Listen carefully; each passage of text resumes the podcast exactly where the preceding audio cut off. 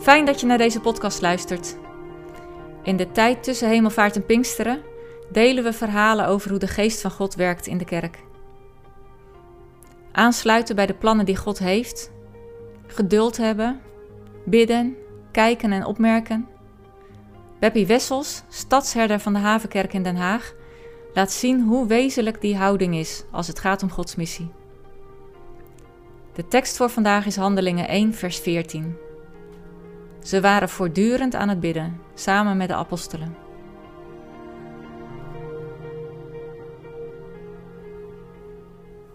Gods plan. Wachten. Daar ben ik meestal niet zo goed in. Als er veel werk ligt, stort ik me daar direct volop in. Niet eerst vragen wat God wil. Daar heb ik mijn hoofd een paar keer flink mee gestoten. Wachten is wel wat Jezus zijn leerlingen opdraagt vlak voordat hij vertrekt.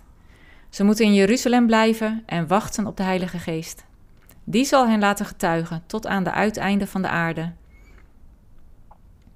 En wat doen de leerlingen na Jezus hemelvaart? Twee dingen. Aan het eind van zijn evangelie schrijft Lucas dat ze voortdurend in de tempel God loofden. En in Handelingen 1, vers 14 zegt hij: Eensgezind wijden ze zich aan het gebed, samen met de vrouwen en met Maria, de moeder van Jezus, en met zijn broers. Dat wachten bestond dus uit het in het openbaar God prijzen en binnenshuis samen bidden. Allebei niet zo passief.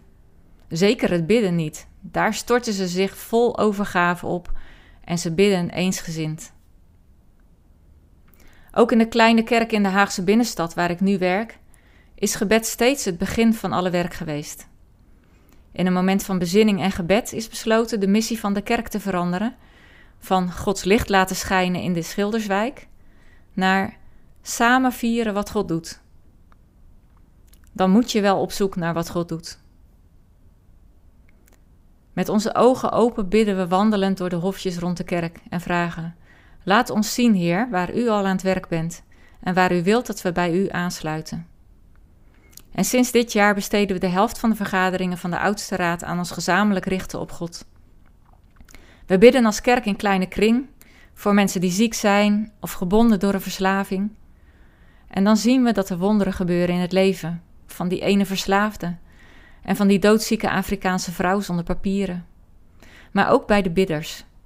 Ze worden bemoedigd en soms ook beschaamd door het grote vertrouwen op God dat ze zien bij de mensen voor wie ze aan het bidden waren.